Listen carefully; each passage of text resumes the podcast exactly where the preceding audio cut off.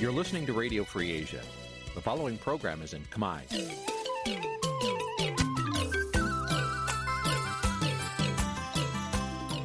នេះជាកម្មវិធីផ្សាយ Vuthu Azizi Serai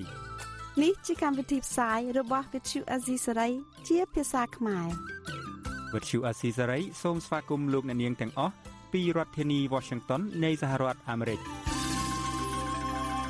បាទពីរដ្ឋធានី Washington ខ្ញុំបាទជាចំណានសូមជម្រាបសួរលោកអ្នកនាងអ្នកស្ដាប់ Vuthu Azizi Serai ទាំងអស់ជាទីមេត្រីយើងខ្ញុំសូមជូនការផ្សាយសម្រាប់ព្រឹកថ្ងៃច័ន្ទ5រោចខែអាសត់ឆ្នាំឆ្លូវត្រីស័កពុទ្ធសករាជ2565ដែលត្រូវនៅថ្ងៃទី25ខែតុលាគ្រិស្តសករាជ2021បាទជាដំបូងនេះសូមអញ្ជើញលោកអ្នកនាងស្ដាប់ព័ត៌មានប្រចាំថ្ងៃដែលមានមេត្តាដូចតទៅ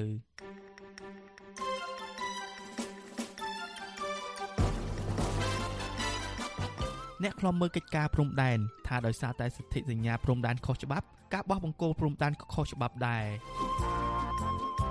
ក្រមយុវជនចង់ឃើញមេដឹកនាំខ្មែរគ្រប់ចំនួនគោរពកិច្ចព្រមព្រៀងទីក្រុងប៉ារីសក្រុមអ្នកជំនាញនិងមន្ត្រីបកប្រឆាំងវិតម្លៃថាកម្ពុជា នៅតែមានបញ្ហាប្រឈមពាក់ព័ន្ធនឹងការធានាអធិបតេយ្យបន្ទាប់ពី30ឆ្នាំនៃកិច្ចព្រមព្រៀងសន្តិភាពទីក្រុងប៉ារីសអាញាធរថៃចាប់ខ្លួនពលករខ្មែរជិត20នាក់ ឆ្លងដែនទៅធ្វើការនៅប្រទេសថៃខុសច្បាប់រួមនឹងព័ត៌មានមួយចំនួនទៀត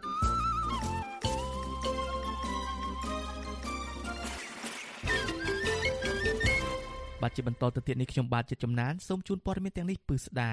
អ្នកខ្លំមើលកិច្ចការព្រំដែនថាដោយសារតែសន្ធិសញ្ញាព្រំដែនកម្ពុជាវៀតណាមគឺជាឯកសារខុសច្បាប់ដូច្នេះការបោះបង្គោលព្រំដែនជាមួយវៀតណាមទាំង84%កន្លងមកនោះគឺខុសច្បាប់ដូចគ្នាដែរបាទលោកមួងណារ៉េតរាយការណ៍ជុំវិញព័ត៌មាននេះ អ្នកឃ្លាំមើលកិច្ចការព្រំដែននៅតែប្រកាន់ជំហរប្រឆាំងទៅនឹងរបបក្រុងភ្នំពេញដែលនៅតែបន្តបោះបង្គោលព្រំដែនថ្មីជាមួយនឹងប្រទេសវៀតណាមនៅក្នុងស្ថានភាពដែលមានមន្ទិលសង្ស័យជុំវិញឯកសារព្រំដែនបែបនេះប្រធានក្រុមប្រឹក្សាឃ្លាំមើលកម្ពុជានៅប្រទេសណ័រវេលោកម៉ែនណាត នៅតែទាមទារឲ្យរបបលោកហ៊ុនសែនបង្ហាញឯកសារចាស់ ដែលមានបញ្ជាក់ច្បាស់អំពីបង្គោលកំណត់ព្រំដែនរវាងប្រទេសកម្ពុជានិងវៀតណាមដែលកំណត់ដោយប្រទេសបារាំងនៅក្នុងអនុសញ្ញាឆ្នាំ1873ដែលមានបង្គោលចាស់124បង្គោលនោះហើយបង្គោល124ហ្នឹងវាវានៅណាហើយសម្ដេចសីហនុនៅឆ្នាំ93ក៏លោករំលឹកឡើងវិញដែរខែ5ហ្នឹងឲ្យឲ្យនាយករដ្ឋមន្ត្រីទាំងពីរកាលនោះប្រាប់ទៅវៀតណាមមកយកបង្គោលមកដាក់កន្លែងដើមអាហ្នឹងឯកសារជាវិរិយសារផ្លូវការរបស់ព្រះអង្គយើងយើងមានឯកសារអស់ហ្នឹង ពីព្រោះអញ្ចេះបញ្ហាព្រំដែនវាជាបញ្ហាជាតិទាំងមូលរបស់មនុស្សគ្រប់គ្នាហ្នឹងបើសិនយើងបាត់បូរណភាពព្រំដែននៅក្នុងចំណែកណាមួយហាក់ដូចជាយើងបាត់ជើងម្ខាងដៃម្ខាងអញ្ចឹងដូច្នេះហើយបានជាយើងមានក្តីសេចក្តីព្រួយបារម្ភរឿងអស់ហ្នឹងរបបឯកបកកម្ពុជាស្រូតបោះបង្គោលព្រំដែនជាមួយនឹងប្រទេសវៀតណាមបាន84%គិតត្រឹមខែតុលាឆ្នាំ2019មុនផ្ទុះការរីករាលដាលនៃជំងឺ Covid-19 កាលនោះលោកនាយរដ្ឋមន្ត្រីហ៊ុនសែនបានធ្វើដំណើរដោយផ្ទាល់ទៅប្រទេសវៀតណាមរយៈពេល2ថ្ងៃដើម្បីចុះហត្ថលេខាទទួលស្គាល់ការបោះបង្គោលព្រំដែននឹងខណ្ឌសីមានេះការបោះបង្គោលបង្ហើយ16%ទៀតនោះត្រូវអាក់ខានទៅវិញដោយសារតែវិបត្តិនៃជំងឺរីករាលដាលជាសកលនោះ។ ក៏ប៉ុន្តែនៅក្នុងជំនួបទ្វេភាគីរវាងកម្ពុជានិងវៀតណាមតាមប្រព័ន្ធវីដេអូកាលពីថ្ងៃទី21ខែតុលាភាគីទាំងពីរឯកភាពគ្នាប្រឹងប្រែងរកមធ្យោបាយបោះបង្ហាយបង្គោលព្រំដែនគោកទាំង16%ដែលនៅសេសសល់នោះ មន្ត្រីគណៈបកប្រឆាំងយល់ថាទាំងការបោះបង្គោលព្រំដែន84%និងការគ្រងពន្លឿនបោះបង្ហាយ16%ទៀតនោះគឺមិនត្រូវធ្វើនៅក្នុងកលៈទេសៈបែបនេះនោះឡើយលោកអ៊ុំសំអាន ដែលធ្លាប់របបក្រុងភ្នំពេញចាប់ដាក់ពន្ធនាគារដោយសារតែហ៊ាននិយាយអំពីបញ្ហាព្រំដែននេះថាកម្ពុជាពេលនេះខ្វះឯកភាពជាតិមិនមានគណៈបកប្រឆាំងគឺគណៈបកសង្គ្រោះជាតិកម្ពុជាកំពុងដឹកនាំដោយរបបឯកបក និងការបោះបង្គោលខ្វះដំណាភាពដោយគ្មានការចូលរួមពីភាគីពាក់ព័ន្ធលោកថាស្ថានភាពអាក្រក់បែបនេះធ្វើឲ្យកម្ពុជាខាតបង់ច្រើននៅក្នុងរឿងព្រំដែននេះមន្ត្រីគណៈបពប្រឆាំងរូបនេះបន្ថែមថាលោកហ៊ុនសែនអាចធ្វើនេះដើម្បីស្អំចិត្តវៀតណាមដែរតែលោកថាវៀតណាមមិនពេញចិត្តកម្ពុជា ដែលងាកខ្លាំងទៅរកចិនដែលធ្វើឲ្យខាតប្រយោជន៍វៀតណាមដែលមានគុណលើកម្ពុជា អ្វីដែលគ្រោះថ្នាក់ជាងនេះទៅទៀតនោះលោកអ៊ុំសំអានថាគឺការបោះបង្គោលនេះគឺយកតាមសន្ធិសញ្ញាបំពេញបន្ថែម ដែលលោកថាខុសច្បាប់ព្រោះសន្ធិសញ្ញាសម័យដែលវៀតណាមត្រួតត្រាកម្ពុជានោះគឺជាមរតករបស់វៀតណាម មិនមែនជាមរតករបស់បារាំងនោះឡើយបើទោះបីជាយ៉ាងនេះក្តីតំណាងរាជជាប់ឆ្នោតនៃមណ្ឌលសៀមរាប ពីខាងគណៈបកសង្គ្រោះជាតិរូបនេះអះអាងបន្ថែមទៀតថានៅពេលដែលគណៈបកប្រឆាំងឈ្នះឆ្នោតគណៈបកនេះនឹងសើរើឡើងវិញរាល់ឯកសារនិងសន្ធិសញ្ញាខុសច្បាប់ទាំងនោះនឹងរកយន្តការប្តឹងប្រទេសវៀតណាម ដែលរំលោភបំពានកម្ពុជានេះផងការសាររើនោះគឺយើងនឹងលុបចោលសន្ធិសញ្ញាបំពេញបន្ថែមឆ្នាំ2005និងសន្ធិសញ្ញាបំពេញបន្ថែមឆ្នាំ2019ដែលយកតាមសន្ធិសញ្ញាឆ្នាំ1985 សម័យយួនទូត្រាហើយយកអ្វីដែលជាមរតករបស់បារាំងនិងផែនទីបោនຂະណាត1លើ100,000ចំនួន26ផ្ទាំងដែលជាផែនទីបារាំងធ្វើឲ្យយើងហ្នឹងដើម្បីបោះបង្គោលព្រំដែនជាមួយវៀតណាមហើយយើងនឹងប្តឹងវៀតណាមទៅតុលាការយុត្តិធម៌អន្តរជាតិ ICJ នៅទីក្រុងឡាអេពីការរំលោភព្រំដែនកម្ពុជា ពីសំណាក់ប្រទេសវៀតណាមហើយនឹងប្តឹងទៅវៀតណាមទៅប្រទេសហត្ថលេខីនៃកិច្ចព្រមព្រៀងសន្តិភាពទីក្រុងប៉ារីសឆ្នាំ1991ក៏ដូចជាក្រុមប្រឹក្សាសន្តិសុខនៃអង្គការសហប្រជាជាតិមន្ត្រីឃ្លាំមើលកិច្ចការព្រំដែនលោកម៉ែនណាតយល់ស្របថាកម្ពុជាក្រោមការដឹកនាំរបស់គណៈបកប្រជាជនកម្ពុជា ស្ថិតក្រោមគំនាបរបស់វៀតណាមឬខ្លួនមិនរួច លោកអះអាងថាសូម្បីតែមន្ត្រីកិច្ចការព្រំដែននៃរបបក្រុងភ្នំពេញគឺលោកវ៉ាកំហុងក៏ធ្លាប់ទទួលស្គាល់អំពីការលំបាកនៅក្នុងការជំពាក់គុណវៀតណាមនិងគំនាបនេះដែរ ព្រោះសំបីតវ៉ាកំហុងខ្ញុំធ្លាប់ទៅជួបជជែកមួយគាត់ផ្ទាល់ដែរកាលពីមុនណាណាក៏គាត់នៅរអ៊ូរទាំថាបើមិនអាសាច់ជូនខ្លាធ្វើម៉េចនៅស្រុកបានគាត់និយាយផ្ទាល់ជាមួយពួកយើងខ្ញុំអីចឹងអាហ្នឹងហើយកាលហ្នឹងគាត់ហាមិនឲ្យកសែតអីចូលថតផងយើងជាហាក់លួចហៅអ្នកកសែតអីចូលថតអីចឹងបានហើយអ្នកណាដែលធ្វើការជាមួយយើងចិត្តដិតចន្លោះកាលខ្ញុំនៅស្រុកខ្មែរមួយសំអានមួយអីហ្នឹង គឺព្រះអង្គសម្ដេចតាកាលលោកនៅរស់យើងគាត់យើងធ្វើការជាមួយគាត់ចិត្តដិតហើយគាត់គាត់រអ៊ូរទាំដោយតែយើងឯបញ្ហាបូនអភិវឌ្ឍទឹកដីហ្នឹងហើយគាត់ជំរុញឲ្យមានការដោះស្រាយតាមមធ្យោបាយកិច្ចព្រមព្រៀងក្រុងប៉ារីនិងរដ្ឋធម្មនុញ្ញដែរហ្នឹងប៉ុន្តែពួកហ៊ុនសែនគាត់មិនព្រមវាអញ្ចឹងណាហើយដល់អញ្ចឹងអាវិធីការការពាររបស់លោកហ៊ុនសែនក្រោយពីសម្ដេចតាលោកសោយទីបង្គំពុតទៅគឺថាធ្វើតាមទំនើងចិត្តតែហ្មង វិទ្យុអាស៊ីសេរីមិនទាន់អាចសុំការបំភ្លឺពីប្រធានគណៈកម្មាធិការចម្រុះខណ្ឌសីមា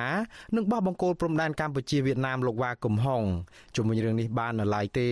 ក៏ប៉ុន្តែកន្លងមករបបលោកហ៊ុនសែនអះអាងថាការបោះបង្គោលព្រំដែននឹងខណ្ឌសីមាដែលរួចរាល់84%ជាមួយប្រទេសវៀតណាមនោះគឺធ្វើដោយមានការឯកភាពគ្នាជារួមរវាងប្រទេសទាំងពីរ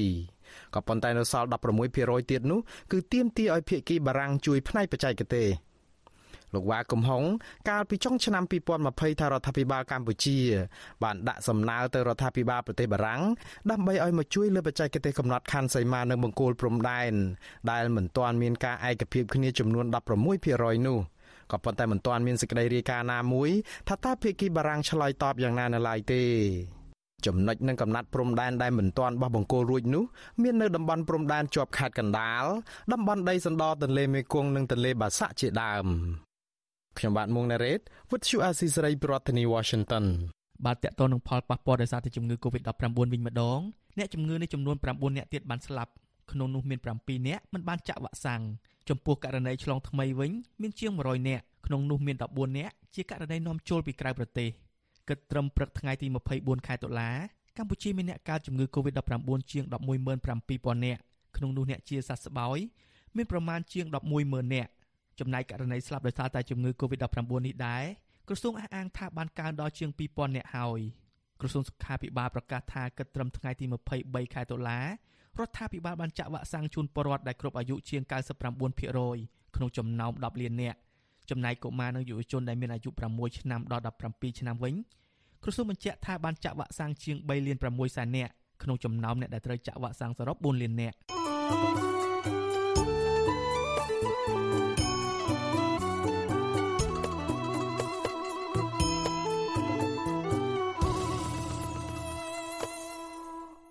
បាទតកតងនឹងផលប៉ះពាល់ដោយសារតែជំងឺ Covid-19 នេះដែរ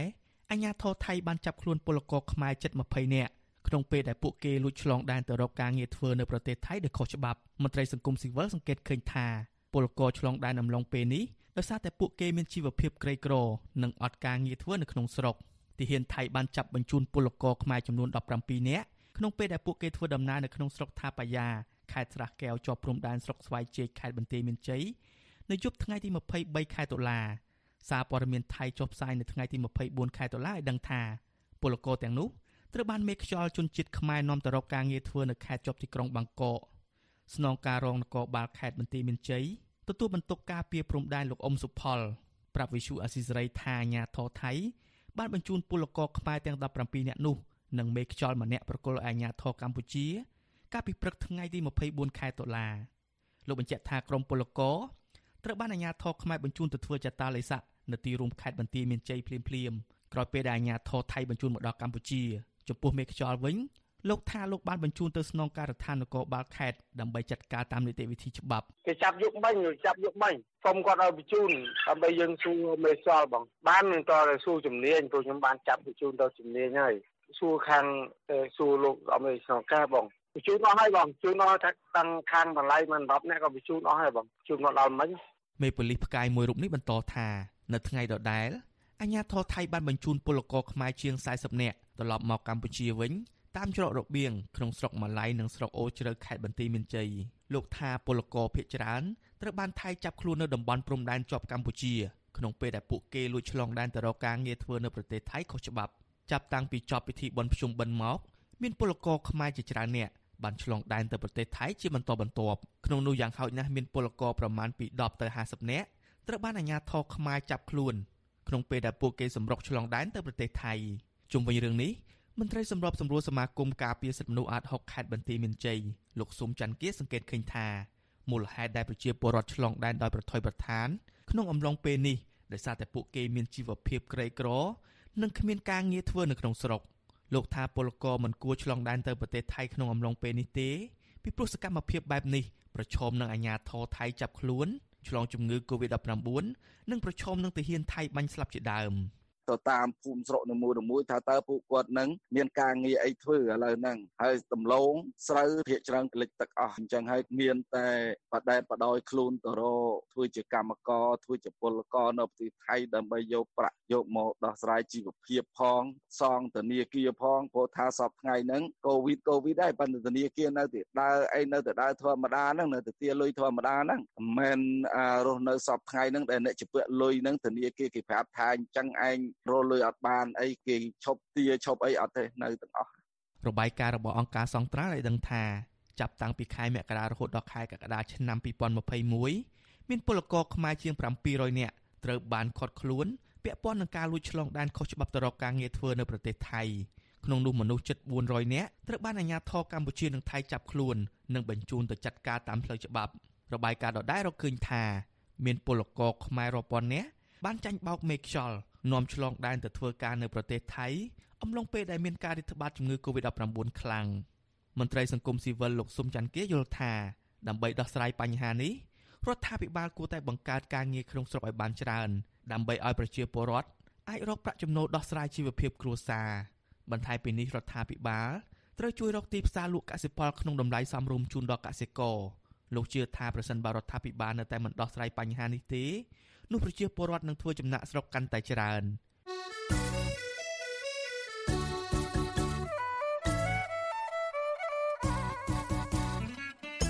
បាទលោកនាងអ្នកស្ដាប់ជាទីមេត្រីក្រៅពីស្ដាប់និងទស្សនាការផ្សាយរបស់យើងតាមបណ្ដាញសង្គម Facebook និង YouTube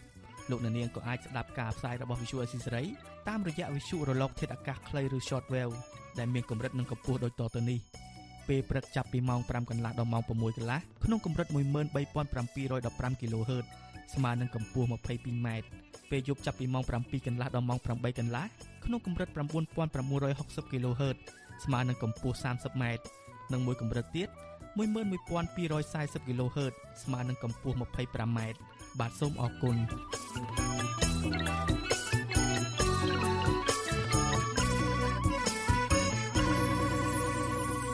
បាទលោកអ្នកនាងអ្នកស្ដាប់ជាទីមេត្រីកិច្ចព្រមព្រៀងសន្តិភាពទីក្រុងប៉ារីសថ្ងៃទី23ដុល្លារឆ្នាំ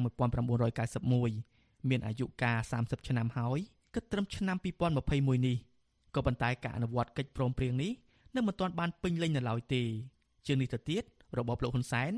ហាក់ព្យាយាមបន្សាបកិច្ចព្រមព្រៀងនេះម្ដងហើយម្ដងទៀតតាមរយៈការបកស្រាយតាមតែអំពើចិត្តថាកិច្ចព្រមព្រៀងនេះលែងមានសុពលភាពតទៅទៀតហើយប៉ុន្តែក្រមយុវជន ដែលបានសិក្សាអំពីរឿងនេះមើលឃើញថាកិច្ចព្រមព្រៀងទីក្រុងប៉ារីសមានតម្លៃជាអមតៈសម្រាប់កូនខ្មែរគ្រប់ចំនួនបាទលោកជីវិតារាយការណ៍ព័ត៌មាននេះក្រមយុវជនសកម្មដែលមានវ័យស្របាលនឹងកិច្ចព្រមព្រៀងសន្តិភាពទីក្រុងប៉ារីជំរុញឲ្យមេដឹកនាំបច្ចុប្បន្ននិងមេដឹកនាំចំនួនក្រោយៗទៀតអនុវត្តខ្លឹមសារនៃកិច្ចព្រមព្រៀងនេះឲ្យបានពេញលេញដើម្បីជាប្រយោជន៍ដល់ប្រជាជាតិខ្មែរគ្រប់ចំនួនប្រធានសមាគមបណ្ដាញយុវជនកម្ពុជាលោកអ៊ុលវ៉ាន់មានប្រសាសន៍ថា កិច្ចព្រមព្រៀងសន្តិភាពទីក្រុងប៉ារីប្រៀបបាននឹងយន្តការពីប្រជាជាតិខ្មែរពីការឈ្លានពានរបស់បរទេសនឹងធ្វើឲ្យខ្មែរមានការបង្រួបបង្រួមនិងអភិវឌ្ឍជាតិលោកថាមេដឹកនាំបច្ចុប្បន្ននិងមេដឹកនាំចំនួនក្រោយៗទៀតគប្បីគោរពនឹងអនុវត្តខ្លឹមសារនៃកិច្ចព្រមព្រៀងនេះឲ្យបានត្រឹមត្រូវលោកបន្ថែមថាកិច្ចព្រមព្រៀងសន្តិភាពក្រុងប៉ារីមានសុពលភាពជារៀងដរាបមិនមែនដូចជាការបកស្រាយរបស់រដ្ឋាភិបាលបច្ចុប្បន្ននេះទេ លោកអ៊ុលវ៉ាន់សង្កត់ធ្ងន់ថាការបកស្រាយរបស់រដ្ឋាភិបាលដែលថាកិច្ចព្រមព្រៀងជាអន្តរជាតិនេះអស់សុពលភាពនោះគឺជាការខាតបង់សម្រាប់ជាតិនិងជាការកិច្ចវេះពីកាតព្វកិច្ចនិងការទទួលខុសត្រូវទាំងឡាយដែលមានចែងក្នុងកិច្ចព្រមព្រៀងនេះ។ ក្នុងនាមជាយុវជនខ្ញុំចង់ឃើញអ្នកនយោបាយបាទមានឆន្ទៈគ្រប់គ្រាន់មានឆន្ទៈមុះមុតនៅក្នុងការទទួលខុសត្រូវជាពិសេសធានានៅការគោរពឲ្យបានពេញលេញប្រកបដោយប្រសិទ្ធភាពនៅកិច្ចព្រមព្រៀងសន្តិភាពទីក្រុងប៉ារីសហើយអ្នកនយោបាយខ្មែរគ្រប់រូបគួរតែចាត់ទុកកិច្ចព្រមព្រៀងសន្តិភាពទីក្រុងប៉ារីសនេះគឺជាអាវក្រោះគឺជាយន្តការអន្តរជាតិមួយដែលអាចការពារកម្ពុជាបានពីហានិភ័យក៏ដូចជាពីបញ្ហាចំនួននយោបាយផ្សេងផ្សេងទាំងនៅក្នុងប្រទេសកម្ពុជាខ្លួនឯងក៏ដូចជានៅក្នុងតំបន់ឬក៏នៅក្នុងអន្តរជាតិស្រដៀងគ្នានេះប្រធានក្រុមអ្នកវិភាគវ័យក្មេងកញ្ញាលីស្រីស្រស់ថ្លែងថាការលើកឡើងរបស់លោកនាយករដ្ឋមន្ត្រីហ៊ុនសែននិងមន្ត្រីរដ្ឋាភិបាលមួយចំនួន ដែលថាកិច្ចព្រមព្រៀងនេះអស់សុពលភាពនោះគឺជាការខុសឆ្គងកញ្ញាថ្លែងថា កិច្ចព្រមព្រៀងសន្តិភាពក្រុងប៉ារីជាឯកសារច្បាប់យ៉ាងសំខាន់ដែលអាចជួយដល់កម្ពុជាឲ្យគេចផុតពីការរំលោភបំពានពីសំណាក់បរទេសទាំងនៅក្នុងពេលបច្ចុប្បន្ននិងអនាគតម្យ៉ាងវិញទៀតកញ្ញាថាកម្ពុជា អាចប្រើប្រាស់កិច្ចព្រមព្រៀងនេះជាមូលដ្ឋាន ក្នុងការតវ៉ាយកមកវិញ នៅទឹកដីដែលបាត់បង់ទៅប្រទេសជិតខាង តាមរយៈសន្ធិសញ្ញាមិនត្រឹមត្រូវទាំងឡាយកាលពីអតីតកាល។ ស្មារតីរបស់កិច្ចព្រមព្រៀងហ្នឹងគឺវានៅតែមានហើយការដែលគោរពអនុវត្តហ្នឹងវាគឺជាចំណុចសំខាន់របស់កម្ពុជាទៅលើការធ្វើឲ្យកម្ពុជាក្លាយជាប្រទេសដែលកាន់របបប្រជាធិបតេយ្យគោរពសិទ្ធិមនុស្សនិងនីតិរដ្ឋហើយក៏ជាប្រទេសដែលមានការធានាជាផ្លូវការអំពីការគោរពអធិបតេយ្យភាពហើយក៏ដូចជាការរំលឹកដល់ប្រទេសផ្សេងទៀតដែលចង់រំលោភអធិប តេយ្យភាពរបស់កម្ពុជាគឺពួកគេមិនអាចធ្វើបានទេបើយោងតាមកិច្ចព្រមព្រៀងមួយនេះអញ្ចឹងនេះគឺជាផលប្រយោជន៍ដែលបើសិនជាយើងអាចអនុវត្តឬក៏យើងជំរុញលើការលើកកម្ពស់ស្មារតីគោរពទៅលើកិច្ចព្រមព្រៀងសន្តិភាពទីក្រុងប៉ារីសអញ្ចឹងយើងអាចបានប្រយោជន៍ទាំងអស់នេះបានការអំពាវនាវរបស់ក្រមយុវជនដែលចង់ឲ្យមេដឹកនាំខ្មែរគោរពនិងអនុវត្តស្មារតីកិច្ចព្រមព្រៀងក្រុងប៉ារីសឲ្យបានពេញលេញនេះគឺដោយសារពួកគេសង្កេតឃើញថាលោកនាយករដ្ឋមន្ត្រីហ៊ុនសែននិងមន្ត្រីរបស់លោកមួយចំនួន បាននាំគ្នាបកស្រាយថាកិច្ចព្រមព្រៀងជាប្រវត្តិសាស្ត្រមួយនេះបានស្លាប់បាត់ទៅហើយលោកហ៊ុនសែនដែលជាហត្ថលេខីមួយរូបដែរនោះធ្លាប់លើកឡើងជាច្រើនដងរួចមកហើយថាកិច្ចព្រមព្រៀងសន្តិភាពក្រុងប៉ារីបានអស់សុពលភាពហើយពីព្រោះខ្លឹមសារទាំងឡាយនៃកិច្ចព្រមព្រៀងនេះត្រូវបានដាក់បញ្ចូលទៅក្នុងរដ្ឋធម្មនុញ្ញឆ្នាំ1993អស់ទៅហើយលោកថ្លែងទៀតថាបើចង់ឲ្យកម្ពុជាអនុវត្តកិច្ចព្រមព្រៀងនេះវិញ ទាល់តែមានសង្គ្រាមជាថ្មី ហើយស្ថាប័នព្រះមហាក្សត្រនិងតុលាការខ្មែរក្រហមជាដើមសុទ្ធសឹងតែត្រូវរំលាយចោល។បើគោរពប៉ារីសទៅដោះលែងខៀវសំផនត្រឡប់មកវិញហើយលុបចោលអតឡាការគាត់ចោលរឿងវាបានឈានមកដល់រដ្ឋធម្មនុញ្ញដែលត្រូវអនុវត្តព្រោះមានអន្តៈណាទៀតហើយបើសិនជាត្រូវអនុវត្តកិច្ចព្រមព្រៀងប៉ារីសកម្ពុជាមិនត្រូវមានព្រះបបរតត្រូវមានមហាក្សត្រទេត្រូវមានក្រមប្រឹក្សាជាតិជាន់ខ្ពស់ ហើយព្រះមហាក្សត្រយើងគឺត្រឹមតែជាប្រធានក្រមប្រឹក្សាជាតិជាន់ខ្ពស់ទេហើយអ្នកដែលមានសិទ្ធិសម្រេចចុងក្រោយគឺនៅលើប្រធានអន្តៈឯណោះរឿងនឹងហើយដែលខ្ញុំមិនព្រមហើយខ្ញុំទៅទៅជាក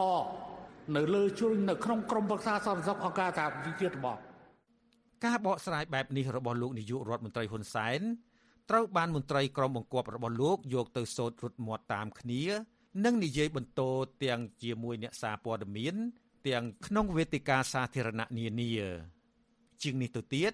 ពួកគេហាក់លើកដំកើងលោកនាយករដ្ឋមន្ត្រីហ៊ុនសែនតែម្នាក់គត់ឲ្យមានគុណសម្បត្តិលើកិច្ចព្រមព្រៀងសន្តិភាពក្រុងប៉ារីជាឧទាហរណ៍រដ្ឋមន្ត្រីការបរទេសកម្ពុជា លោកប្រាក់សុខុនបានហៅលោកនាយករដ្ឋមន្ត្រីហ៊ុនសែនថាជាមហារដ្ឋបុរសនៅចំពោះមុខអង្គទូតបរទេសនិងភ្ញៀវកិត្តិយសដទៃទៀត ក្នុងពិធីប្រារព្ធខួប30ឆ្នាំនៃកិច្ចព្រមព្រៀងនេះកាលពីថ្ងៃទី23តុលាក្នុងសន្ទរកថារយៈពេលជិត1ម៉ោង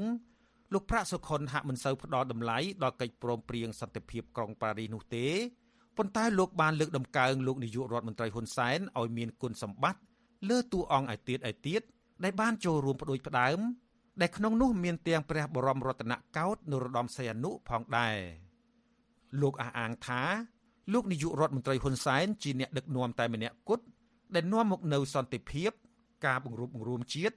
និងឯកភាពទឹកដីនៅចុងឆ្នាំ1998តាមរយៈនយោបាយឈ្នះឈ្នះរាជរដ្ឋាភិបាលបានអនុញ្ញាតឲ្យធនាគារជាតិកម្ពុជាចេញផ្សាយនៅក្រដាស់ប្រាក់ថ្មីមានតម្លៃ30,000រៀលតាមរយៈការបោះពុម្ពផ្សាយក្រដាស់ប្រាក់នេះរាជរដ្ឋាភិបាលកម្ពុជា ដឹកនាំដោយសម្ដេចហ៊ុនសែន ស្ថាបត្យករទី1និងសំខាន់បំផុតនៃកិច្ចព្រមព្រៀងក្រុងប៉ារីបញ្ជាក់សារជាថ្មីអំពីសារៈសំខាន់នៃសមិទ្ធផលជាប្រវត្តិសាស្ត្រនិងរំលឹកប្រជាពលរដ្ឋទាំងអស់អំពីគុណបំណាច់នៃកិច្ចព្រមព្រៀងនិងអ្នកដែលបានរួមគ្នាសម្រេចកិច្ចព្រមព្រៀងនេះចំពោះសន្តិភាពនិងការពង្រឹងរួមជាតិទោះជាយ៉ាងណាអគ្គលេខាធិការសហព័ន្ធនិស្សិតបញ្ញវន្តកម្ពុជាលោកគៀនពន្លកយល់ថា មូលហេតុដែលរដ្ឋាភិបាលលោកហ៊ុនសែនមិនសូវផ្ដល់តម្លៃដល់កិច្ចព្រមព្រៀងសន្តិភាពក្រុងប៉ារីពីព្រោះរដ្ឋាភិបាលបានបរាជ័យក្នុងការអនុវត្តតាមខ្លឹមសារមួយចំនួននៅក្នុងកិច្ចព្រមព្រៀងនេះ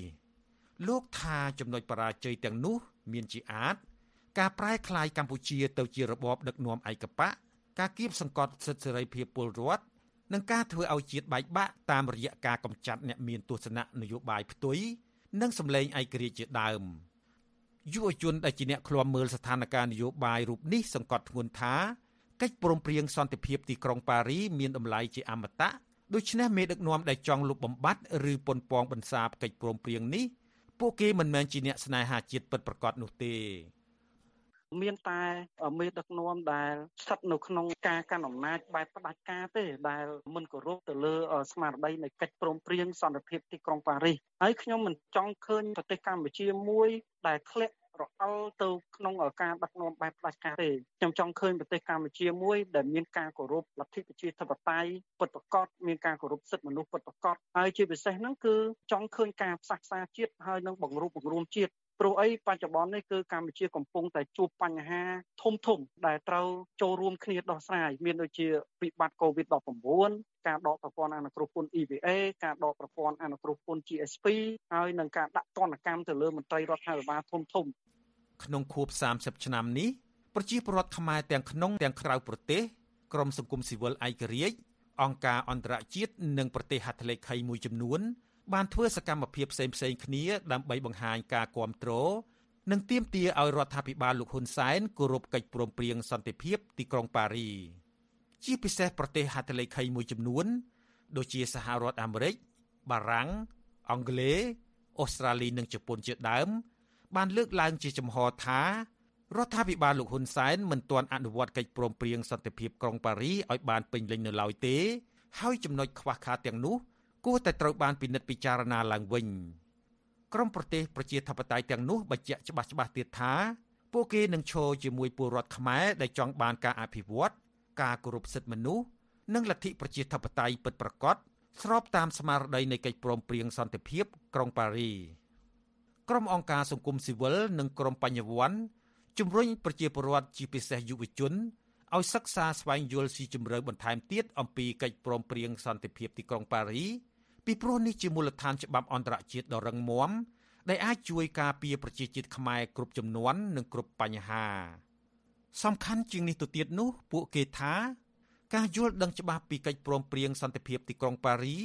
អាចបណ្ដុះស្មារតីអ្នកដឹកនាំចំនួនក្រោយឲ្យគិតគូរបញ្ហាជាតិជាធំ ដោយអនុលោមតាមស្មារតីនៃកិច្ចព្រមព្រៀងមួយនេះខ្ញុំជីវិតាអាស៊ីសេរី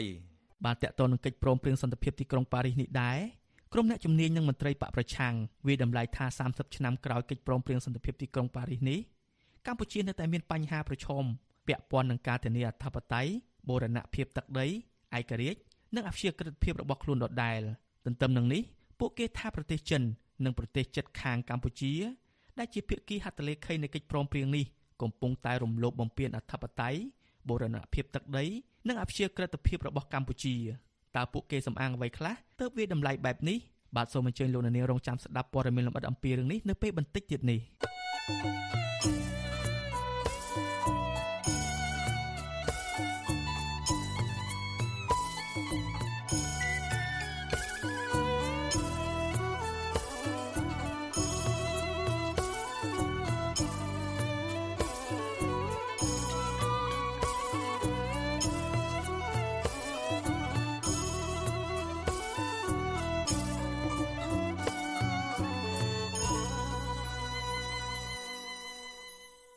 លោកនាងជាទីមេត្រីសហជីពឯករាជ្យនិងកម្មកររោងចក្រដិនហាន បន្តទៀមទាភាគីតកែបើកប្រាក់ឈ្នួលឲ្យបានពេញលេញគឺប្រាក់ដែលតកែនៅចំពាក់ពួកគេការពីអំឡុងពេលដែលបិទគប់ដើម្បីទប់ស្កាត់ការរាលដាលជំងឺ Covid-19 នៅភូមិសាស្ត្ររាជធានីភ្នំពេញអំឡុងខែមេសានិងខែឧសភាពួកគាត់អះអាងថាភាគីតកែកំពុងរំលោភច្បាប់ស្តីពីការងារនិងប័ណ្ណបញ្ជាផ្ទៃក្នុងរបស់រោងចក្រ ដោយសារតែតកែបដិសេធជាបន្តបន្ទាប់ជុំវិញការទៀមទារបស់កម្មករនៅក្រសួងកាងារនិងក្រមប្រឹក្សាអាជ្ញាកណ្ដាលប៉ុន្តែនយោជកលើកឡើងថាភាគីរោងចក្រកំពុងអនុវត្តច្បាប់ការងារហើយ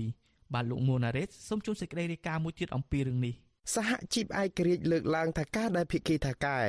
មិនបើកប្រាក់ឈ្នួលឲ្យកម្មករពេញលេញអំឡុងពេលបិទគប់នៃខែមេសានិងខែឧសភានោះគឺជាទង្វើមិនអាចទទួលយកបាន និងមិនស្របតាមច្បាប់នោះឡើយព្រោះករណីនេះធ្វើឲ្យពួកគាត់ត្រូវបាត់បង់ប្រាក់ឈ្នួលនិងរងការរំលោភបំពានសិទ្ធិចំពាក្យដែលសង្គមកំពុងតែរងផលប៉ះពាល់ដោយសារតែការរីករាលដាលនៃជំងឺ Covid-19 ប្រធានសហជីពប្រជាធិបតេយ្យកម្មករកាត់ដេរកម្ពុជាប្រចាំរោងចក្រឌិនហាន លោកឡុងសកដាប្រាប់វិទ្យុអាស៊ីសេរីថាអំឡុងខែមេសានិងឧសភាកម្មកររោងចក្រឌិនហានបានឆ្លងជំងឺ Covid-19 និងត្រូវធ្វើចតាល័យស័កនិងបិទគប់នៅតាមបន្ទប់ជួលដោយមិនមានការយកចិត្តទុកដាក់ពីសំណាក់ថៅកែរោងចក្រ និងអាជ្ញាធរនោះឡើយលោកបន្តថាបន្ទាប់ពីបិទគប់រួច ខាងបេឡាជាតិរបបសន្តិសុខសង្គមបានបើកប្រាក់ចំនួន70%ដល់កម្មករស្របតាមច្បាប់ស្តីពីការងារក៏ប៉ុន្តែតកែរោងចក្រវិញបែរជាបើកប្រាក់ឈ្នួលឲ្យកម្មករតែ50%ដោយផ្ទុយពីច្បាប់ការងារនិងប័ណ្ណបញ្ជាផ្ទៃក្នុងរបស់រោងចក្រដែលធានាថាកម្មករដែលឈឺត្រូវទទួលបានប្រាក់ឈ្នួល100% លោកឡុងសាកដាសោកស្ដាយចំពោះភៀកគីថាកែដែលមិនអនុវត្តច្បាប់និងមិនយល់ពីសុខទុក្ខរបស់កម្មករដែលខិតខំធ្វើការទាំងលំបាកលំបិនដើម្បីដំណើរការរោងចក្រនិងរកប្រាក់ចំណេញឲ្យថៅកែរាល់ឆ្នាំលោកទៀមទីឲ្យថៅកែរោងចក្រកាត់ដេរនេះបើកប្រាក់ឈ្នួលដល់កម្មករឲ្យបានពេញលេញដោយស្របតាមច្បាប់ការងារ ដោយសារយើងលើកមកវាមានរោងចក្រខ្លះដែរដែលគេគិតឲ្យកម្មកររបស់គេដល់យើងណាកម្មករក៏គាត់អន់ចិត្តដែរថាពួកគាត់លំបាកពួកគាត់ខំធ្វើការឲ្យក្រុមហ៊ុនកន្លងមកយូរហើយដែរក្រុមហ៊ុនក៏ចំណេញដែរដល់គាត់លំបាកគាត់មានជំងឺមានតរៈអីចឹងក្រុមហ៊ុនអត់ស្គាល់ពីគាត់អត់គិតគាត់អត់គិតតាមច្បាប់ឲ្យគាត់គាត់ស្នើសុំមកខាងសហជីពឲ្យជួយជជែកតវ៉ារឿងនឹងឲ្យគាត់រោងចក្រកាត់ដេរឌិនហាន ស្ថិតនៅខណ្ឌមានជ័យរាជធានីភ្នំពេញ មានកម្មករជិត3000នាក់ រោងចក្រនេះបានផ្អាកមួយរយៈដោយសារតែផ្ទុះជំងឺ Covid-19 បណ្ដាលឲ្យកម្មករជាង600នាក់ឆ្លងជំងឺ Covid-19 និងកម្មករផ្សេងទៀតត្រូវធ្វើចតាល័យសាក់តាមផ្ទះនិងបន្ទប់ជួល កាលពីខែមេសានិងខែឧសភាកាលពីពេលថ្មីថ្មីនេះក្រុមកម្មករបានដាក់បណ្ដឹងទៅក្រសួងការងារដើម្បីសុំផ្សះផ្សានិងស្វែងរកដំណោះស្រាយករណីដែលថៅកែរោងចក្រមិនបើកប្រាក់ឈ្នួល100%ដល់កម្មករអំឡុងពេលបិទគប់នៃខែមេសានិងខែឧសភានោះ ក៏ប៉ុន្តែភាគីថៅកែបដិសេធបន្ទាប់មកក្រសួងការងារបានបញ្ជូនសំណុំរឿងនេះទៅក្រមប្រឹក្សាអាជ្ញាកណ្ដាលដើម្បីបន្តនីតិវិធីក្រុមប្រឹក្សាអាជ្ញាកណ្ដាលបានកោះហៅភាគីកម្មករនិងភាគីតកែចូលសវនាការកាលពីថ្ងៃទី18ខែតុលាដោយអនុញ្ញាតឲ្យភាគីទាំងសងខាងបង្ហាញភ័ស្តុតាងហើយភាគីតកែនៅតែបដិសេធដដែលដោយលើកហេតុផលថាពុំមានលទ្ធភាពផ្ដល់ប្រាក់នេះទេ ដូច្នេះក្រុមប្រឹក្សាអាជ្ញាកណ្ដាលបានប្រកាសថានឹងចេញសេចក្តីសម្រេចកាលពីថ្ងៃទី22ខែតុលាក៏ប៉ុន្តែរហូតមកដល់ពេលនេះសហជីពនិងកម្មករនៅរោងចក្រដេនហានមិនទាន់ទទួលបានសេចក្តីសម្រេចពីក្រុមប្រឹក្សាអាជ្ញាកណ្ដាលនោះនៅឡើយទេ វិទ្យុអាស៊ីសេរីក៏មិនអាចតាក់ទងណែនាំពាក្យក្រសួងការងារនិងបណ្ដុះបណ្ដាលវិជ្ជាជីវៈលោកហេងសួរនិងអគ្គលេខាធិការសមាគមរោងចក្រកាត់ដេរកម្ពុជាហៅកាត់ថាជីម៉ាក់លោកខេនលូដើម្បីបកស្រាយជំរឿងនេះបានទេនៅថ្ងៃទី24ខែតុលាចំណែកឯថៅកែរោងចក្រឌិនហានលោកប៊ិនប្រាប់វិទ្យុអាស៊ីសេរីដោយខ្លីថាករណីនេះរោងចក្ររបស់លោកអនុវត្តតាមច្បាប់ក្រសួងការងាររួចរាល់អស់ហើយ បើទោះបីជាយ៉ាងនេះក្តីកម្មកររោងចក្រកាត់ដេរឌីនហានលោកស្រីខិនសុភាប្រាប់ថាលោកស្រីខកចិត្តចំពោះថៅកែរោងចក្រដែលមិនឆ្លើយតបតាមការទាមទាររបស់ក្រុមកម្មករអំឡុងពេលនៃការរាតត្បាតនៃជំងឺ Covid-19 លោកស្រីអះអាងថាកម្មករត្រូវការប្រាក់ឈ្នួលដែលក្រុមហ៊ុនមិនព្រមបើកឲ្យនោះដើម្បីដោះស្រាយជីវភាពគ្រួសារដែលកំពុងតែខ្វះខាតស្របពេលដែលលោកស្រីយកទឹកបបរបញ្ចុកកូនតូចទៀតផងលោកស្រីឲ្យដឹងថាបច្ចុប្បន្ននេះបើទោះបីជាកម្មករបានចូលធ្វើការឡើងវិញក៏ដោយក៏ប៉ុន្តែប្រាក់ខែគោលមិនអាចធ្វើឲ្យជីវភាពគ្រួសារលោកស្រីប្រសើរនោះទេព្រោះលោកស្រីចំណាយច្រើនជាងមុនដោយត្រូវបង់ទឹកភ្លើងបន្ទប់ជួលនិងសងបំណុលមួយខែជាង165ដុល្លារជាដើម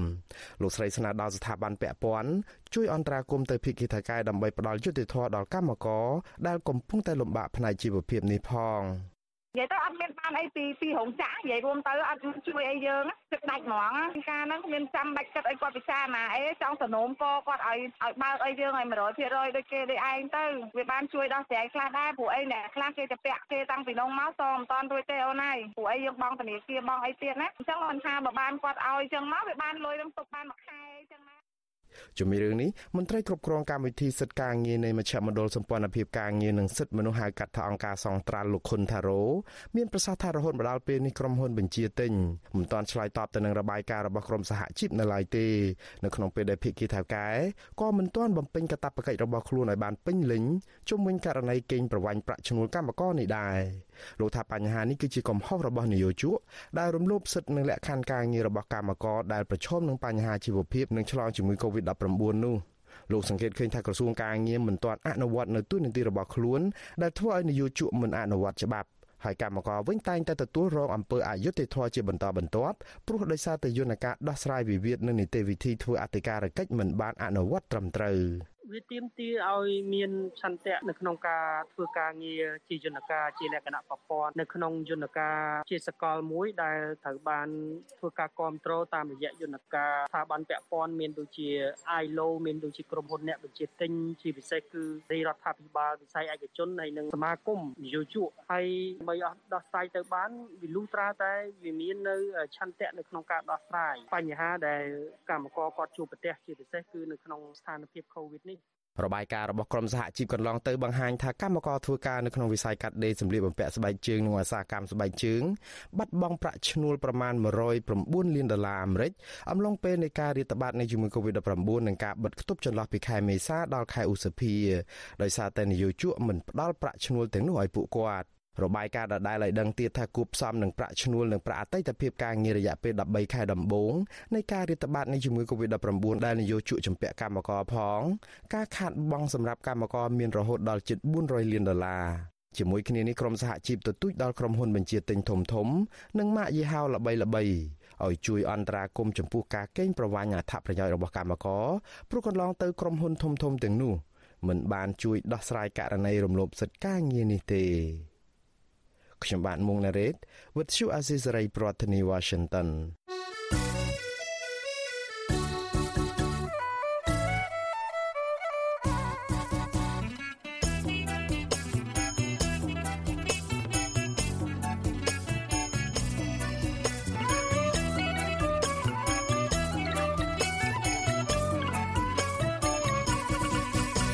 បាទលោកអ្នកនាងអ្នកស្ដាប់ជាទីមេត្រី 30ឆ្នាំក្រោយកិច្ចព្រមព្រៀងសន្តិភាពទីក្រុងប៉ារីសក្រុមអ្នកជំនាញនិងមន្ត្រីបកប្រឆាំងវាតម្លៃថាកម្ពុជានៅតែមានបញ្ហាប្រឈមពាក់ព័ន្ធនឹងការធានាអធិបតេយ្យបូរណភាពទឹកដីឯករាជ្យនិងអព្យាក្រឹតភាពរបស់ខ្លួនដដែលទន្ទឹមនឹងនេះពួកគេថាប្រទេសចិន និងប្រទេសជិតខាងកម្ពុជា ដែលជាភាគីហត្ថលេខីនៃកិច្ចព្រមព្រៀងនេះកំពុងតែរំលោភបំពានអធិបតេយ្យបូរណភាពទឹកដី និងអព្យាក្រឹតភាពរបស់កម្ពុជា មន្ត្រីបកកាន់អំណាចបដិសេធការវិតម្លៃនេះនិងអះអាងថាកម្ពុជានិងប្រទេសភាគីហត្ថលេខីនៃកិច្ចព្រមព្រៀងនេះកំពុងគោរពបានយ៉ាងខ្ជាប់ខ្ជួននៅការសន្យារបស់ខ្លួនដោយដែលមានចែងក្នុងកិច្ចព្រមព្រៀងនេះបាទលោកមេរិតរាយការណ៍ព័ត៌មាននេះ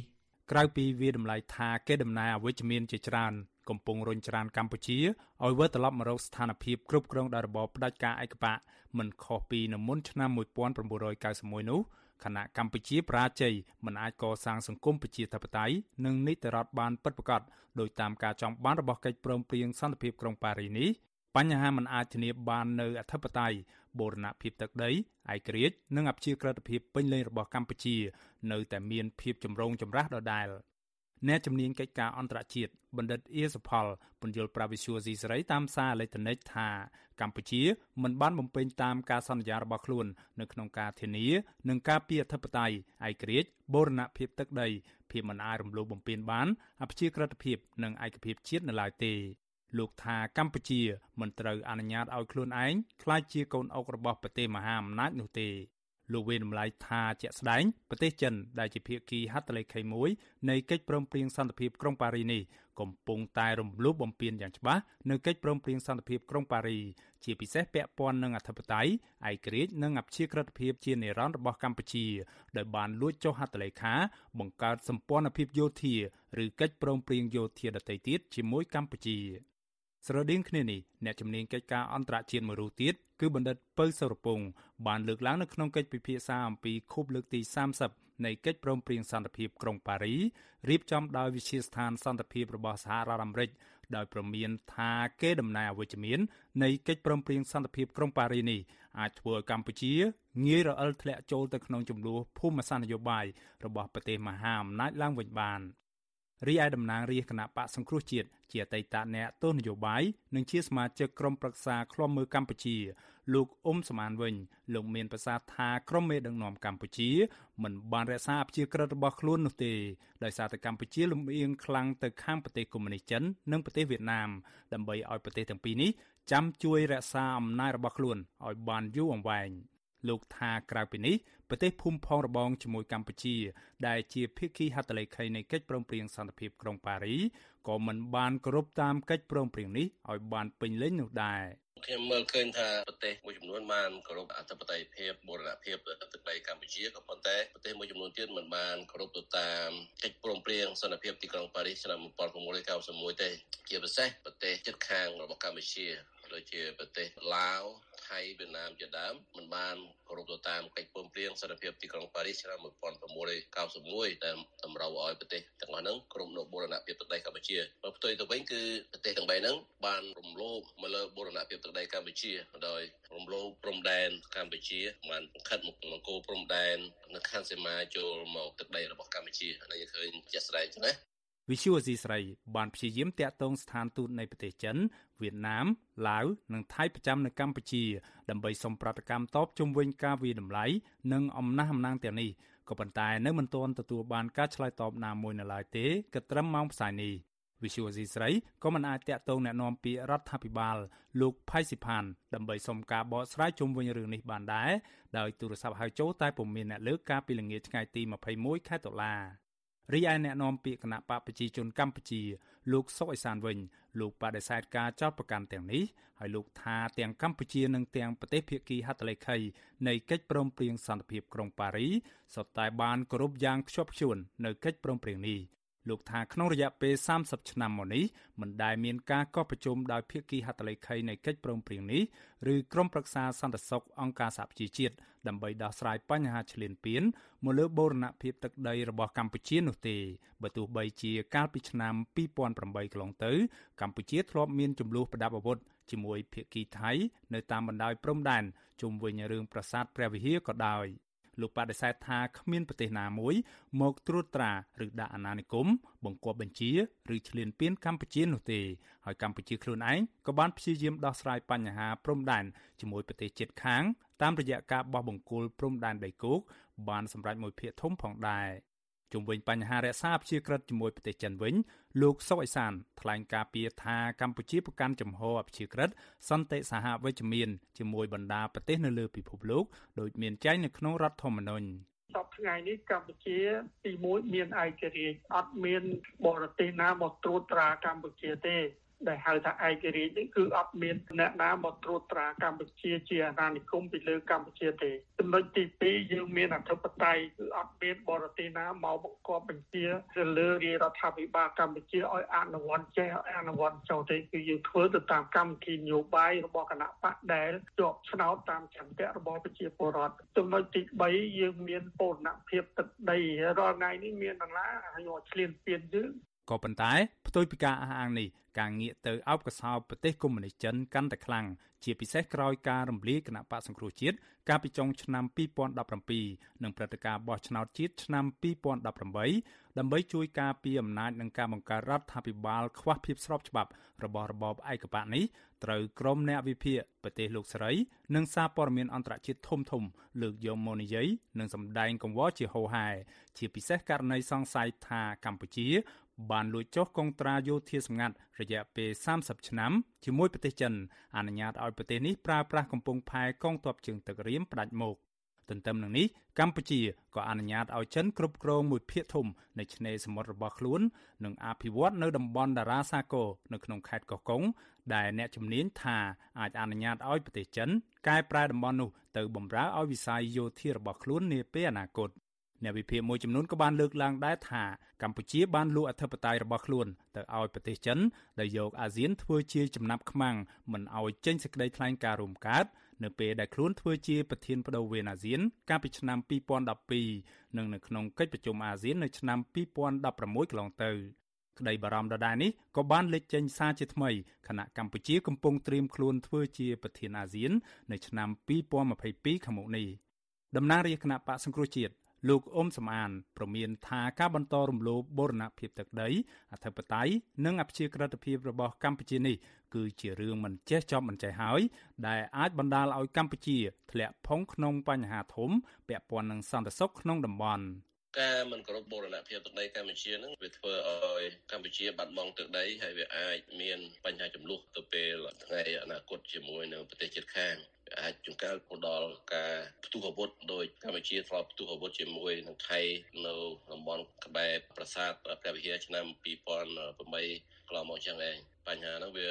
មិនចេះចប់ទេបើសិនជាប្រទេសទាំងអស់ហ្នឹងនៅតែរំលោភមកលើបូរណភាពទឹកដីកម្ពុជាហើយដែលប្រទេសចិនគាត់បានរំលោភនៅអធិបតេយ្យភាពនិងឯករាជ្យភាពនៅប្រជាក្រិតភាពរបស់កម្ពុជានោះឯងវាធ្វើឲ្យមានចំនួនរវាងកម្ពុជាជាមួយនៅប្រទេសជិតខាងព្រោះវាអាចបង្កអសន្តិសុខទៅដល់ប្រទេសជិតខាងដែលជាសត្រូវរបស់ចិនដែលគេសង្ស័យថាដាក់មូលដ្ឋានយោធានៅខេត្តបរសេនុនិងខេត្តកោះកុង កាលពីខែមិថុនាក្នុងដំណើរទស្សនកិច្ចដ៏កម្ររបស់មន្ត្រីជាន់ខ្ពស់អាមេរិកមកកាន់កម្ពុជាអនុរដ្ឋមន្ត្រីការបរទេសអាមេរិកអ្នកស្រី Wendy Sherman បានជំរុញឲ្យរដ្ឋាភិបាលលោកនាយរដ្ឋមន្ត្រីហ៊ុនសែនងាកមកគោរពសិទ្ធិមនុស្សស្ដារប្រជាធិបតេយ្យនិងរក្សាតុល្យភាពនៃនយោបាយការបរទេសរបស់ខ្លួនប្រធានស្ដីទីគណៈបកសង្គ្រោះជាតិលោកសំរងស៊ីថ្លែងនៅក្នុងកិច្ចពិភាក្សារៀបចំដោយក្លឹបអ្នកកសែតបរទេសប្រចាំប្រទេសថៃកាលពីថ្ងៃទី19ខែតុលាថាក្រៅពីបញ្ហាប្រជាធិបតេយ្យនិងសិទ្ធិមនុស្សបញ្ហាព្យាក្រឹតរបស់កម្ពុជានេះអាចក្លាយជាកត្តាមួយដែលជំរុញឲ្យប្រទេសភាគីហត្ថលេខីលើកយកមកសាររើអំពីប្រសិទ្ធភាពនៃការអនុវត្តកិច្ចព្រមព្រៀងសន្តិភាពក្រុងប៉ារីសនេះឡើងវិញបាន។ លោកថាប្រទេសកាន់តែច្រើនឡើងឥឡូវនេះចង់ឃើញកម្ពុជា អនុវត្តនៅជំហរអព្យាក្រឹតពិតប្រាកដជាពិសេសពាក់ព័ន្ធទៅនឹងបញ្ហាតានតឹង នៅក្នុងតំបន់សមុទ្រចិនខាងត្បូងក៏ប៉ុន្តែតំណាងនឹងជាឯកអគ្គរដ្ឋទូតកម្ពុជាប្រចាំសហរដ្ឋអាមេរិកលោកជុំសន្ទ្រីថ្លែងថាគ្មានកាតព្វកិច្ចបច្ចុប្បន្នបន្ថែមទៀតទេក្រោមកិច្ចព្រមព្រៀងសន្តិភាពប៉ារីនីលោកថាកម្ពុជាបានរក្សាអព្យាក្រឹតអធិបតេយ្យ និងឯករាជ្យរបស់ខ្លួនដោយមានចែងក្នុងរដ្ឋធម្មនុញ្ញលោកជុំសន្តិរីផ្ដល់អំណះអំណាងថាកិច្ចព្រមព្រៀងសន្តិភាពក្រុងប៉ារីនេះមិនដែលមានចែងថាបន្ទាប់ពីដំណាក់កាលអន្តរកាលទៅ កម្ពុជានឹងស្ថិតនៅក្រោមការត្រួតពិនិត្យរបស់អន្តរជាតិនោះឡើយផ្ទុយពីការអះអាងនេះនាយិកាមជ្ឈមណ្ឌលសិទ្ធិមនុស្សកម្ពុជា អ្នកស្រីចော့សុភាពនិយាយថាការលើកឡើងយ៉ាងដូចនេះនឹងធ្វើឲ្យកម្ពុជាខាតបង់ខ្លាំង ដែលខ្ញុំលើកថាខាតនោះដោយសារបើយើងមើលនៅក្នុងកិច្ចព្រមព្រៀងសន្តិភាពទីក្រុងប៉ារីសនេះបានលើកច្រើនមែនទែនអំពីការចូលរួមហើយនឹងការទទួលស្គាល់របស់ប្រទេសជាហត្ថលេខីត្រូវគោរពដល់អធិបតេយ្យភាពត្រូវគោរពដល់បូរណភាពទឹកដីរបស់ប្រទេសកម្ពុជាមិនមិនអាចបង្កជាការបំពានណាមួយរំលោភដល់បូរណភាពទឹកដីរបស់ប្រទេសយើងឯងអញ្ចឹងបើសិនជាយើងយល់ថា កិច្ចព្រមព្រៀងនេះអស់សុពលភាពរួចទៅហើយអញ្ចឹងបានថាយើងច្រានចោលនៅកតាប់កិច្ចរបស់ប្រទេសជាហត្ថលេខីនឹងមិនឲ្យគេមកចូលរួមគោរពអធិបតេយ្យភាពរបស់យើងមិនឲ្យគេគោរពដល់បូរណភាពទឹកដីរបស់យើងលើសពីនេះទៀតមាត្រា5នៃកិច្ចព្រមព្រៀងតាក់ទងនឹងអធិបតេយ្យឯករាជ្យបូរណភាពនិងភាពមិនអាយរំលោភបំពានបាននៃដែនដីអព្យាក្រឹតភាពនិងឯកភាពជាតិកម្ពុជា ដែលជាផ្នែកមួយយ៉ាងសំខាន់នៃកិច្ចព្រមព្រៀងសន្តិភាពក្រុងប៉ារីនេះ បានចែងយ៉ាងច្បាស់ថាក្នុងករណីមានការរំលោភឬការគំរាមកំហែងលើអធិបតេយ្យឯករាជ្យ បូរណភាពទឹកដីនិងភាពមិនអាចរំលោភបំពានបាននៃដែនដីអព្យាក្រឹតឬឯកភាពជាតិនៃកម្ពុជាឬលើការបដិញ្ញាអនុវត្តដទៃទៀតណាមួយនៅក្នុងកិច្ចព្រមព្រៀងនេះនោះបណ្ដាភាគីនៃកិច្ចព្រមព្រៀងនេះត្រូវធ្វើការពិគ្រោះយោបល់ជាបន្ទាន់ដើម្បីអនុម័តរាល់វិធានការសមស្របដើម្បីធានាការគោរពដល់ការបដិញ្ញាចិត្តទាំងនេះនិងដោះស្រាយរាល់បញ្ហារំលោភបំពានទាំងនោះតាមមធ្យោបាយដោយសន្តិវិធី យ៉ាងណាក៏ដោយស្ថាបនិកចម្បងមួយរូបនៃកិច្ចព្រមព្រៀងសន្តិភាពក្រុងប៉ារីនិងជាអតីតរដ្ឋមន្ត្រីការបរទេសអូស្ត្រាលី លោក Gareth Evans ថ្លែងនៅក្នុងសារវីដេអូថតទុកជាមុននៅក្នុងកិច្ចពិភាក្សារៀបចំដោយក្លឹបអ្នកកាសែតបរទេសប្រចាំប្រទេសថៃកាលពីថ្ងៃទី19ខែតុលាថា លោកមិនមានសង្ឃឹមខ្លាំងទេទៅលើការកោះប្រជុំឡើងវិញនៃកិច្ចព្រមព្រៀងសន្តិភាពក្រុងប៉ារីនេះដោយសារតែប្រទេសចិននិងប្រទេសរុស្ស៊ីដែលជាភាគីហត្ថលេខីនៃកិច្ចព្រមព្រៀងនេះនៅតែអាចជំទាស់បាន នៅឯក្រុមប្រឹក្សាសន្តិសុខអង្គការសហប្រជាជាតិរីឯសមាគមអាស៊ានទៀតសោតក៏គ្មានអធិបុលលើពីនេះទៀតលោកថាក្នុងករណីដែលអាចមានការកោះប្រជុំរវាងភាគីហត្ថលេខីនៃកិច្ចព្រមព្រៀងសន្តិភាពក្រុងប៉ារីនេះបាន នោះលទ្ធផលនៃការកោះប្រជុំនោះគឺគ្មានអ្វីក្រៅតែពីរុញទៅឲ្យក្រុមប្រឹក្សាសិទ្ធិមនុស្សរបស់អង្គការសហប្រជាជាតិជាអ្នកពិនិត្យសម្រាប់បន្ត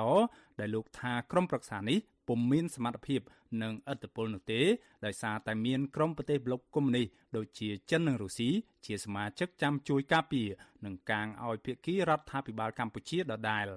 ក៏ប៉ុន្តែអ្វីដែលជាក្តីសង្ឃឹមរបស់ស្ថាបនិកកិច្ចព្រមព្រៀងសន្តិភាពក្រុងប៉ារីរុងនេះគឺថាមានតែប្រជាពលរដ្ឋកម្ពុជាខ្លួនឯងនោះទេ ដែលជាអ្នកអាចកំណត់ជោគវាសនារបស់កម្ពុជាបាន ដោយមានការផ្ដល់ការគ្រប់គ្រងតាមរយៈការដាក់ទណ្ឌកម្មជាក់លាក់ពីក្រមប្រទេសនិយមប្រជាធិបតេយ្យ I believe that the greatest hope for Cambodia's future lies ខ្ញុំជឿថាក្តីសង្ឃឹមដ៏ខ្លាំងបំផុតសម្រាប់អនាគតរបស់ប្រទេសកម្ពុជានៅពេលនោះ គឺស្ថិតនៅលើប្រជាពលរដ្ឋកម្ពុជាខ្លួនឯងដោយមានការផ្ដល់ការគ្រប់គ្រងនិងសម្ពាធពីខាងក្រៅมันមានច្រើនទេ ពីអង្គការពហុភាគី តែពីប្រទេសនីមួយៗដែលបដិញ្ញាចិត្តពិតប្រាកដនៅក្នុងការលើកកម្ពស់សិទ្ធិមនុស្សនិងលទ្ធិប្រជាធិបតេយ្យប្រទេសទាំងនោះអាចដាក់នៅសម្ពាធពិតប្រាកដមួយចំនួន ជាពិសេសនៅក្នុងបរិបទនៃការបោះឆ្នោតជាតិឆ្នាំ2023ខាងមុខ ដើម្បីទាមទារឲ្យរបបលោកហ៊ុនសែនលុបចោលនៅបំរាមមកលើគណៈបកប្រឆាំងធំជាងគេនិងអនុញ្ញាតឲ្យមានការអនុវត្តពិតប្រាកដនៅសិទ្ធិប្រជាពលរដ្ឋនិងសិទ្ធិនយោបាយជាសកល ក្នុងចំណោមប្រជាពលរដ្ឋកម្ពុជាទាំងមូលកន្លងទៅការិយាល័យរបស់ប្រធានកិច្ចការសម្ងាត់អាមេរិកកាំងដែលជាបណ្ដុំភ្នាក់ងារកិច្ចការសម្ងាត់អាមេរិកកាំងចំនួន17ស្ថាប័ន ដែលក្នុងនោះក៏រួមមានទាំងភ្នាក់ងារ CIA ផងបានចេញរបាយការណ៍វាតម្លៃអំពីការគម្រាមកំហែងជាសកលប្រចាំឆ្នាំ2019ដោយបានវាតម្លៃថាការរអិលធ្លាក់របស់កម្ពុជា ចូលទៅក្នុងរបបគ្រប់គ្រងបែបផ្ដាច់ការនិយម ដែលបណ្ដាលឲ្យគណៈបកប្រជាជនកម្ពុជាអាចគ្រប់គ្រងបានទាំងស្រុងនៅអំណាចនីតិបញ្ញត្តិរបស់ប្រទេសនេះ អាចបើកផ្លូវឲ្យមានការធ្វើវិសោធនកម្មកែប្រែរដ្ឋធម្មនុញ្ញដែលអាចបណ្ដាលឲ្យមានវត្តមានយោធាចិននៅក្នុងប្រទេសកម្ពុជាបានខ្ញុំបាទមេរិត Visual C ស្រីរាយការណ៍ពីរដ្ឋធានី Washington thank you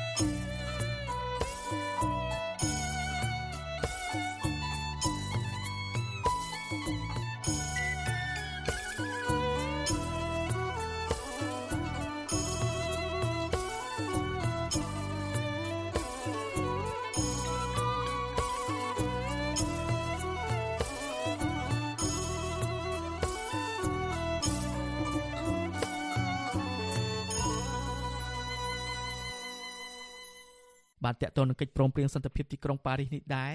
ក្រុមអង្គការសង្គមស៊ីវិលនិងតំណាងប្រទេសហត្ថលេខីមួយចំនួនលើកឡើងថាកិច្ចព្រមព្រៀងសន្តិភាពទីក្រុងប៉ារីសនៅតែមានសុពលភាពនិងជំរុញឲ្យរដ្ឋាភិបាលលោកហ៊ុនសែនគោរពនិងអនុវត្តតាមស្មារតីនៃកិច្ចព្រមព្រៀងជាអន្តរជាតិមួយនេះឲ្យបានត្រឹមត្រូវការជំរុញបែបនេះធ្វើឡើងក្នុងឱកាសដែលក្រុមអង្គការសង្គមស៊ីវិលជិត30ស្ថាប័នរួមគ្នាប្រារព្ធខួប30ឆ្នាំនៃកិច្ចព្រមព្រៀងសន្តិភាពទីក្រុងប៉ារីសនៅថ្ងៃទី23ខែតុលា ដោយមានការចូលរួមពីតំណាងស្ថានទូតនៃប្រទេសហត្ថលេខីចំនួន4ផងដែរភាគីរដ្ឋាភិបាលក៏ប្រារព្ធខួប30ឆ្នាំនេះទ្រង់ទ្រីធំដែរក៏ប៉ុន្តែលើកសរសើរពីសមិទ្ធផល និងនយោបាយឈ្នះឈ្នះរបស់លោកហ៊ុនសែនច្រើនជាងឲ្យតម្លៃលើកិច្ចព្រមព្រៀងនេះបានអ្នកស្រីខែសំណងរាយការណ៍ព័ត៌មាននេះក្រុមអង្គការសង្គមស៊ីវិលនិងតំណាងប្រទេសហត្ថលេខីចំនួន4រួមមានសហរដ្ឋអាមេរិកបារាំង អង់គ្លេសនិងជប៉ុន នៅតែឲ្យតម្លៃនឹងទៀមទារដ្ឋាភិបាលអនុវត្តឲ្យបានពេញលេញនៅកិច្ចព្រមព្រៀងជាប្រវត្តិសាស្ត្រមួយនេះជាឫសគល់នាំឲ្យកម្ពុជាមានសន្តិភាពលទ្ធិប្រជាធិបតេយ្យការផ្សះផ្សាជាតិនិងការរីកចម្រើន។ ឯកអគ្គរដ្ឋទូតសហរដ្ឋអាមេរិកប្រចាំកម្ពុជាលោក Patrick Murphy ថ្លែងសារជាវីដេអូថាកិច្ចព្រមព្រៀងសន្តិភាពទីក្រុងប៉ារីនេះបានជួយប្រែក្លាយកម្ពុជាពីប្រទេសដែលដាច់ដោចដោយសារសង្គ្រាមទៅជាប្រទេសដែលមានដំណើរការអភិវឌ្ឍល្អចាក់គ្រឹះសន្តិភាព និងស្ថិរភាពមកដល់សប្តាហ៍ថ្ងៃនេះលោកបន្តថាខួប30ឆ្នាំនេះគឺជាឱកាសមួយសម្រាប់អបអរសមិទ្ធផលទាំងនោះ និងជាឱកាសសម្រាប់ធ្វើការឆ្លុះបញ្ចាំងលើចំណុចខ្វះខាតផងដែរ។ លោកបន្ថែមទៀតថាកិច្ចព្រមព្រៀងនេះបាននាំកម្ពុជាឲ្យទៅបង្កើតរដ្ឋធម្មនុញ្ញមួយ តែសក្តីប្រាថ្នាជាច្រើនរបស់ប្រជាជនកម្ពុជា នៅតែមិនទាន់សម្រេចបាននោះទេដូចជាលទ្ធិប្រជាធិបតេយ្យពិតប្រាកដនិងសិទ្ធិសេរីភាពពេញលេញជាដើម ឯអគ្គរដ្ឋទូតសហរដ្ឋអាមេរិករូបនេះបញ្ជាក់ថាសហរដ្ឋអាមេរិកបដិញ្ញាចិត្តជាថ្មីក្នុងការជួយសម្រេចបាននូវគោលការណ៍នៃកិច្ចព្រមព្រៀងសន្តិភាពទីក្រុងប៉ារីនិងលើកទឹកចិត្តដល់ប្រទេសហត្ថលេខីទាំងអស់ដោយរួមទាំងប្រទេសកម្ពុជាផងឲ្យធ្វើដូចគ្នានេះដែរលោកគូបញ្ជាក់ចុងក្រោយថាអាមេរិកនៅតែជាដៃគូនិងជាមិត្តរឹងមាំរបស់ប្រជាជនកម្ពុជា ជាមួយគ្នានេះ ឯកអគ្គរដ្ឋទូតអង់គ្លេសអ្នកស្រី Tina Rezzo បានលើកឡើងថាខួប30ឆ្នាំនៃកិច្ចព្រមព្រៀងសន្តិភាពទីក្រុងប៉ារីនេះគឺជាឱកាសសម្រាប់ប្រទេសហត្ថលេខីទាំងអស់ដើម្បីឆ្លុះបញ្ចាំងនិងពិចារណាអំពីប្រទេសកម្ពុជាក្នុងពេលបច្ចុប្បន្ននេះអ្នកស្រីលើកឡើងថាកិច្ចព្រមព្រៀងនេះបានដើរតួនាទីយ៉ាងសំខាន់ក្នុងការនាំមកនូវសន្តិភាពនិងស្ថិរភាពដល់កម្ពុជា អ្នកស្រីលើកទឹកចិត្តឲ្យរដ្ឋាភិបាលកម្ពុជាពង្រឹងនៅមហិច្ឆតារបស់កិច្ចព្រមព្រៀងនិងរដ្ឋធម្មនុញ្ញកម្ពុជា ដើម្បីធានាបានថាប្រជាជនកម្ពុជាមានសិទ្ធិកំណត់អនាគតនយោបាយរបស់ខ្លួនក្នុងពិធីរំលឹកខួប30ឆ្នាំដែលរៀបចំនៅទីស្នាក់ការអង្គការមជ្ឈមណ្ឌលអប់រំច្បាប់សម្រាប់សហគមន៍ហៅកាត់ថា CLEC មន្ត្រីអង្គការសង្គមស៊ីវិលនិងក្រុមអ្នកវិភាគឯករាជ្យ បានលើកឡើងអំពីប្រវត្តិនិងខ្លឹមសារកិច្ចព្រមព្រៀងសន្តិភាពទីក្រុងប៉ារីព្រមទាំងការអនុវត្តរបស់រដ្ឋាភិបាលនាពេលកន្លងមកចំណែកតំណាងកម្មករកសិករនិងយុវជនវិញពួកគេក៏បានឡើងបញ្ចេញមតិអំពីស្ថានភាពអាក្រក់អាក្រក់ដែលពួកគេបានជួបប្រទះដូចជាការបំបិទសិទ្ធិសេរីភាពជាមូលដ្ឋាន ការរំលោភសិទ្ធិដីធ្លី និងសិទ្ធិការងារជាដើមប្រធានក្រុមអ្នកច្បាប់អមរិន លោកមេធាវីសុកសំអឿនមានប្រសាសន៍ថាទោះបីរដ្ឋាភិបាលអះអាងថាកិច្ចព្រមព្រៀងជាអន្តរជាតិនេះផុតសុពលភាពដោយជំនួសមកវិញនៅរដ្ឋធម្មនុញ្ញឆ្នាំ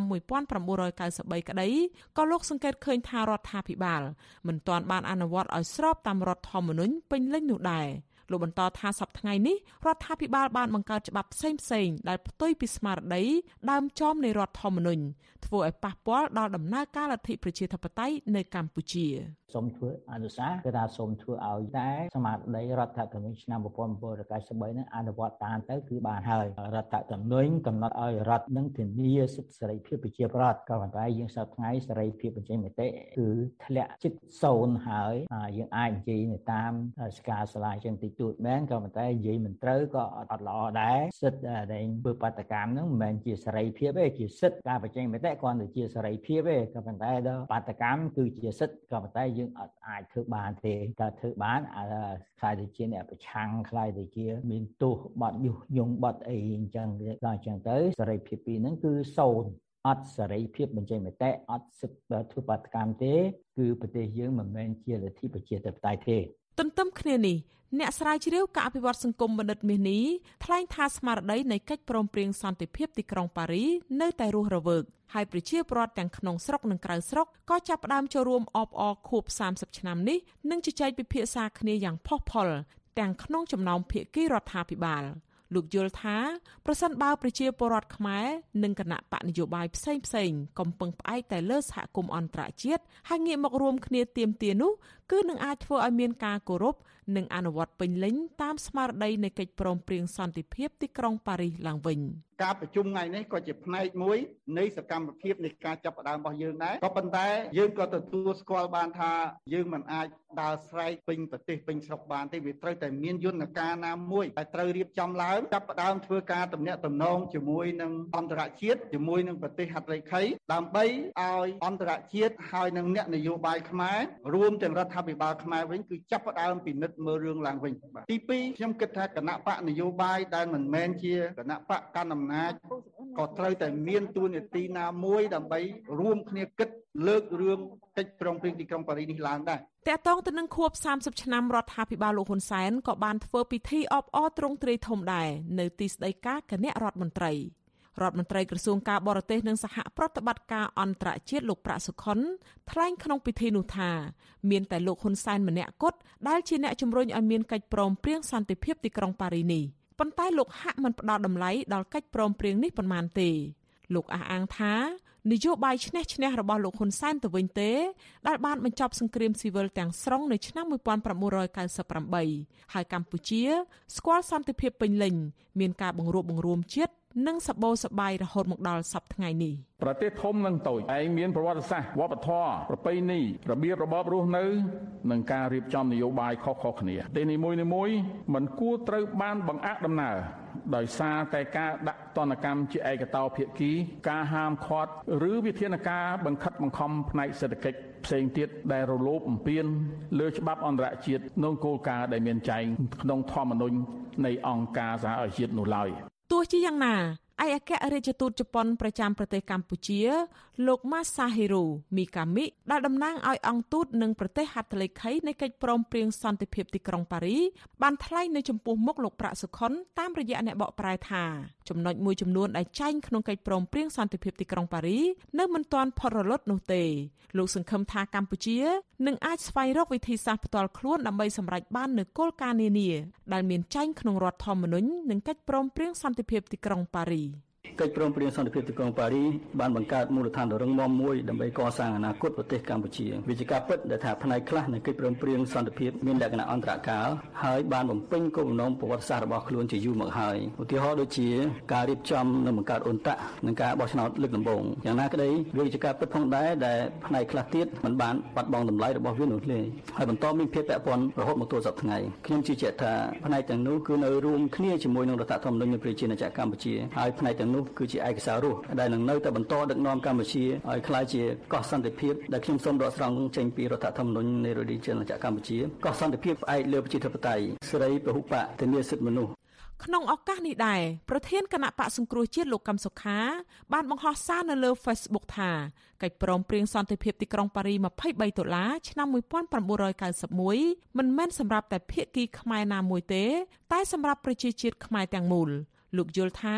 ការផ្ដល់តម្លៃដោយគោរពនិងអនុវត្តនៅស្មារតីនៃកិច្ចព្រមព្រៀងនេះគឺប្រទេសកម្ពុជានិងប្រជាពលរដ្ឋខ្មែរអាចទាញយកផលប្រយោជន៍ជាច្រើនពីកិច្ចព្រមព្រៀងនេះជាពិសេសកិច្ចព្រមព្រៀងនេះអាចជួយធានាការពារនៅអធិបតេយ្យភាពឯករាជ្យបូរណភាពទឹកដី និងដំណើរការប្រជាធិបតេយ្យសេរីពហុបកទៀតផងគណៈបកប្រឆាំងមន្ត្រីអង្គការសង្គមស៊ីវិលនិងអ្នកជំនាញអះអាងដូចគ្នាថា កិច្ចព្រមព្រៀងសន្តិភាពទីក្រុងប៉ារីនៅតែមានសុពលភាពហើយការដែលលោកហ៊ុនសែនចង់លុបបំបាត់កិច្ចព្រមព្រៀងនេះព្រោះលោកកំពុងដឹកនាំប្រទេសទៅរករបបផ្ដាច់ការផ្ទុយពីអ្វីដែលមានចែងនៅក្នុងកិច្ចព្រមព្រៀងនេះចា៎នាងខ្ញុំខែសុណងវັດឈូអាស៊ីសេរីរាយការណ៍ពីរដ្ឋធានី Washington